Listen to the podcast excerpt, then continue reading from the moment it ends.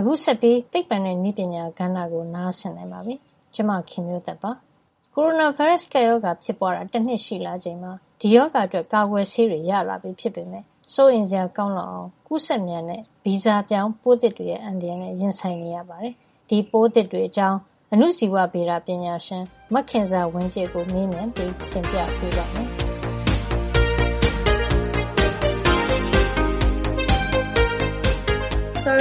SARS-CoV-2 က coronavirus ရဲ့ သူစစချင်းတွေ့တဲ့ဟာက2019မှာဒီဇင်ဘာမှာတရုတ်ပြည်သူ့သမ္မတနိုင်ငံမှာစတွေ့ခဲ့တဲ့ဟာ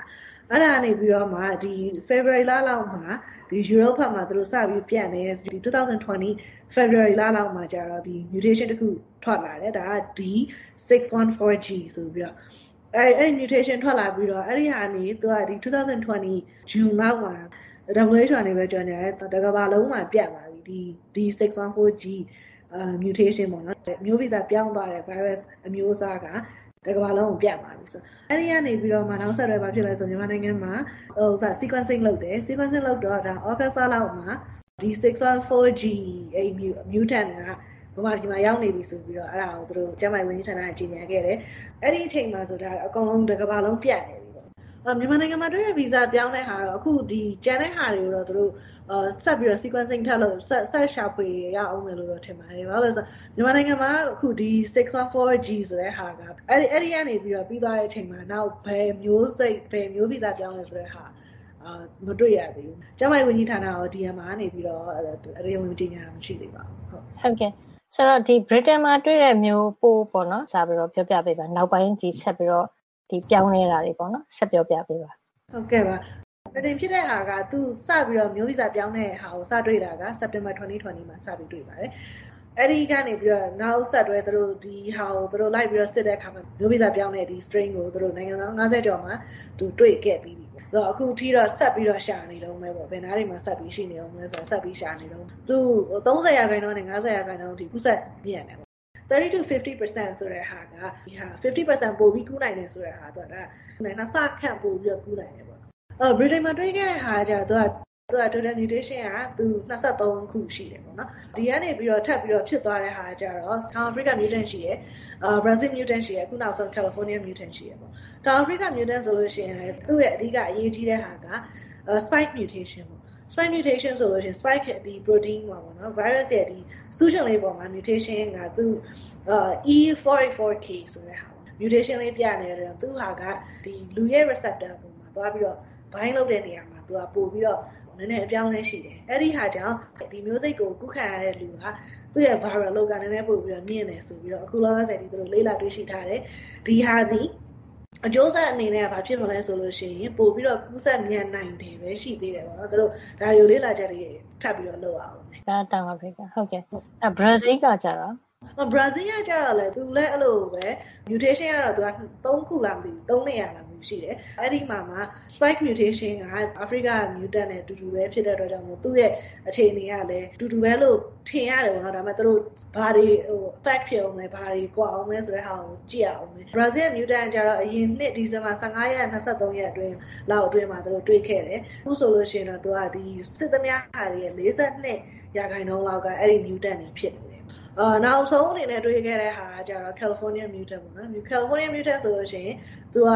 viral genome တစ်ခုလုံးမှာသူက9နေရာလောက်ရှိတယ် mutation ဖြစ်နေတဲ့ဟာ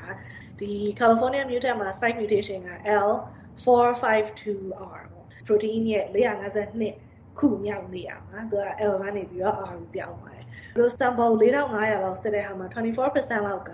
ဒီ strain ကိုတွေ့တယ်ပေါ့ California mutant ကတော့ခုနောက်ဆုံး US မှာတွေ့တယ်ဟာဒီ January မှာတွေ့တယ်ဟာပါ အခုဗီဇပြောင်းမျိုးသစ်တွေကကူးစက်မြန်တယ်လို့ပြောကြတယ်ပေါ့နော်ဘလောက်ပြန်ပို့ပြီးတော့မြန်ပါလဲဒီမူလတွေ့ရတဲ့ကိုရိုနာဗိုင်းရပ်စ်ရဲ့အဆိုင်အော်အဲ့ဒါကြတော့ဒီကယ်လီဖိုးနီးယားရဲ့တောင်အာဖရိကရဲ့ဘရာဇီးရဲ့ဟာတွေကကြတော့သူတို့ကဒါလေ့လာနေတော့မယ် UK ကတော့သူတို့ကနှစ်ဆခန့်ပို့ပြီးတော့ကူးနိုင်တယ်ဆိုပြီးတော့ပြောထားပါတယ်ရှင်ဗီဇပြောင်းမျိုးသစ်တွေလည်းပေါ်နေပြီဒါပေမဲ့တစ်ချိန်တည်းမှာပဲဒီကာကွယ်ဆေးတွေကလည်းပေါ်နေပြီအခုပေါ်နေတဲ့ကာကွယ်ဆေးတွေနဲ့ဗီဇပြောင်းမျိုးသစ်ကိုနိုင်မနိုင်နဲ့ပြောပြပေးပါ အခုတော့ဒီ UK ကမျိုးစားကိုသူ Moderna ရော Pfizer ရောသူတို့ကစမ်းနေတယ်အာသူတို့အနေနဲ့ကတော့ဒါသူတို့အခြေအနေကောင်းတယ်ဆိုပြီးတော့ပြောထားတယ်ပေါ့တောင်အာဖရိကဟာတော့ Moderna အခုမှစမ်းနေတော့ရှိသေးတယ်တိကျတော့ဘာမှမပြောသေးဘူးပေါ့နော်အာဘရာဇီးကဟာလည်းသူတို့ဒါစမ်းရမယ့်ဟာတွေရှိသေးတယ်ပေါ့ဒါကယ်လီဖိုးနီးယားဟာဆိုအခုမှလောလောဆယ်တွေ့ထားတာဆိုတော့သူတို့ဒါစမ်းအောင်မစမ်းသေးဘူးပေါ့နော်ဒါအခု နောက်ဆုံးတွေ့ထားတဲ့ဟာဆိုတော့ဆိုတော့အဲ့မှာမှဒီမြန်မာနိုင်ငံကိုရောက်မဲ့ဥစ္စာကဟို AstraZeneca ကုမ္ပဏီကထုတ်တာပေါ့နော်ဒီဆေးတွေအိန္ဒိယကနေပြီးတော့သူတို့ပေးတယ်ဆိုတော့ဒီဆေးကထိုးတဲ့လူတွေအနေနဲ့သူတို့စိတ်ထဲမှာသိကျင်ကြမယ်ပေါ့နော်ငါတို့ထိုးတဲ့ဆေးကဒီကုသမြန်ပိုးအတွက်ပါအဆင်ပြေရလားပေါ့နော်အနုစီကဒီလေးလာတဲ့လူတယောက်အနေနဲ့ဘယ်လိုမြင်မှာလဲပြောပြပေးပါ ဟုတ်ကဲ့ပါ AstraZeneca ထုတ်တဲ့ဆေးက50 to 70%သူတို့ efficacy ရှိတယ်ကာကွယ်ပေးနိုင်တယ်ဆိုပြီးတော့သူတို့ပြောထားတယ်စိတ်ချလက်ချတော့ထိုးသင့်တယ်လို့ပဲပြောရမှာပေါ့နော်ဘယ်ဖြစ်ကာကွယ်ဆေးဆိုတဲ့ဟာကတော့တအားကြီးပြန့်နေတဲ့ဟာနဲ့တော့အဲ့လိုသင်စိတ်ုံတက်နေရတဲ့နှုံးတွေကိုထိနိုင်မှုအတွက်ထိန်းကိုထိန်းပေးရမယ်ထိုးကိုထိုးပေးရမယ်ဟာပေါ့နော်မြန်မာနိုင်ငံကိုနောက်တရုတ်နိုင်ငံကလည်းသူတို့နိုင်ငံထုတ်တဲ့ကာကွယ်ဆေးကိုပေးမယ်ဆိုတော့ဟိုဘယ်လိုမြင်ပါလဲဒီတရုတ်ကာကွယ်ဆေးနဲ့ပတ်သက်ပြီး ဟုတ်ကဲ့ပါအခု Britain ကထုတ်တဲ့ဟာဆိုယူလူ2400ကျော်လားမသိစမ်းတယ်ပေါ့နော်အဲ့မှာစမ်းတာသူကဟိုလူကြီးတွေဆိုလို့ရှိရင်ဘယ်လောက်ပါတယ်လူငယ်ဆိုဘယ်လောက်ပါတယ်နောက်ကိုဝင်ဆောင်တွေကလေးတွေဆိုလို့ရှိရင်တော့မပါသေးဘူးအဲ့ဒါကြောင့်မလို့အသက် session တွေအထက်ကိုပဲသူတို့ထိုးရမယ်သူတို့မှာဒီလိုမျိုး data လေးတွေရှိတယ်ပေါ့အခုဒီ US ဟာဆိုလို့ရှိရင်သူတို့ကသူတို့ data လိုက်ရှိတယ်တရုတ်ကဟာတော့သူတို့ရဲ့နည်းပညာဒီအရင်တော့ကြောက်ကြီး ကာကွယ်ဆေးတွေခေတ်တုန်းကလိုမျိုးပေါ့နော်ဒီ virus ကိုပဲယောဂဖြစ်စေတဲ့ဓာတ်ကို chemical နဲ့ဟို inactivate လုပ်ပြီးတော့ယောဂဖြစ်စေတဲ့ဓာတ်ကိုသူကဖျောက်ပြီးတော့နော်လူတွေကိုထည့်ပေးတာ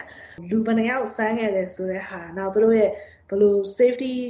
ကဘလောက်ဘလောက် percent efficacy ဆိုတာတော့သူတို့ပြောထားတယ်ဒါပေမဲ့ဒီဟာဒီလူဘယ်နှယောက်မှာဘလောက် percent ရှိတယ်လူဘယ်နှယောက်ဘလောက် percent ရှိတယ်နောက်ပြီးတော့သူတို့ရဲ့ legal adverse effect ဖြစ်ခဲ့တယ်ဆိုလို့ရှိရင်လည်းဘောနော်ကာကွယ်ဆေးကြောင့်ဘေးထွက်ဆိုးကျိုးဖြစ်ခဲ့တယ်ဆိုလို့ရှိရင်လည်း grade ကဘလောက်ထိဖြစ်ခဲ့တယ်လဲဟိုနောက်ဥမာ hospitalization ဘယ်နှယောက်ရခဲ့တယ်လဲ diarrhea ဘယ်နှယောက်ရခဲ့တယ်လဲဘယ်လောက် percent ရခဲ့တယ်ဒါမျိုးတွေအဓိက data တွေမတွေ့မိဘူး မခင်စာဝင်းပြည့်ရဲ့ပြောကြားချက်နဲ့ပဲဒီသတင်းပတ်အတွက်သိပ္ပံနဲ့နည်းပညာကဏ္ဍကိုဒီမှာပဲရန်နာလိုက်ပါရစေနောက်တစ်ပတ်မှာပြန်ပြီးဆုံကြအောင်နော်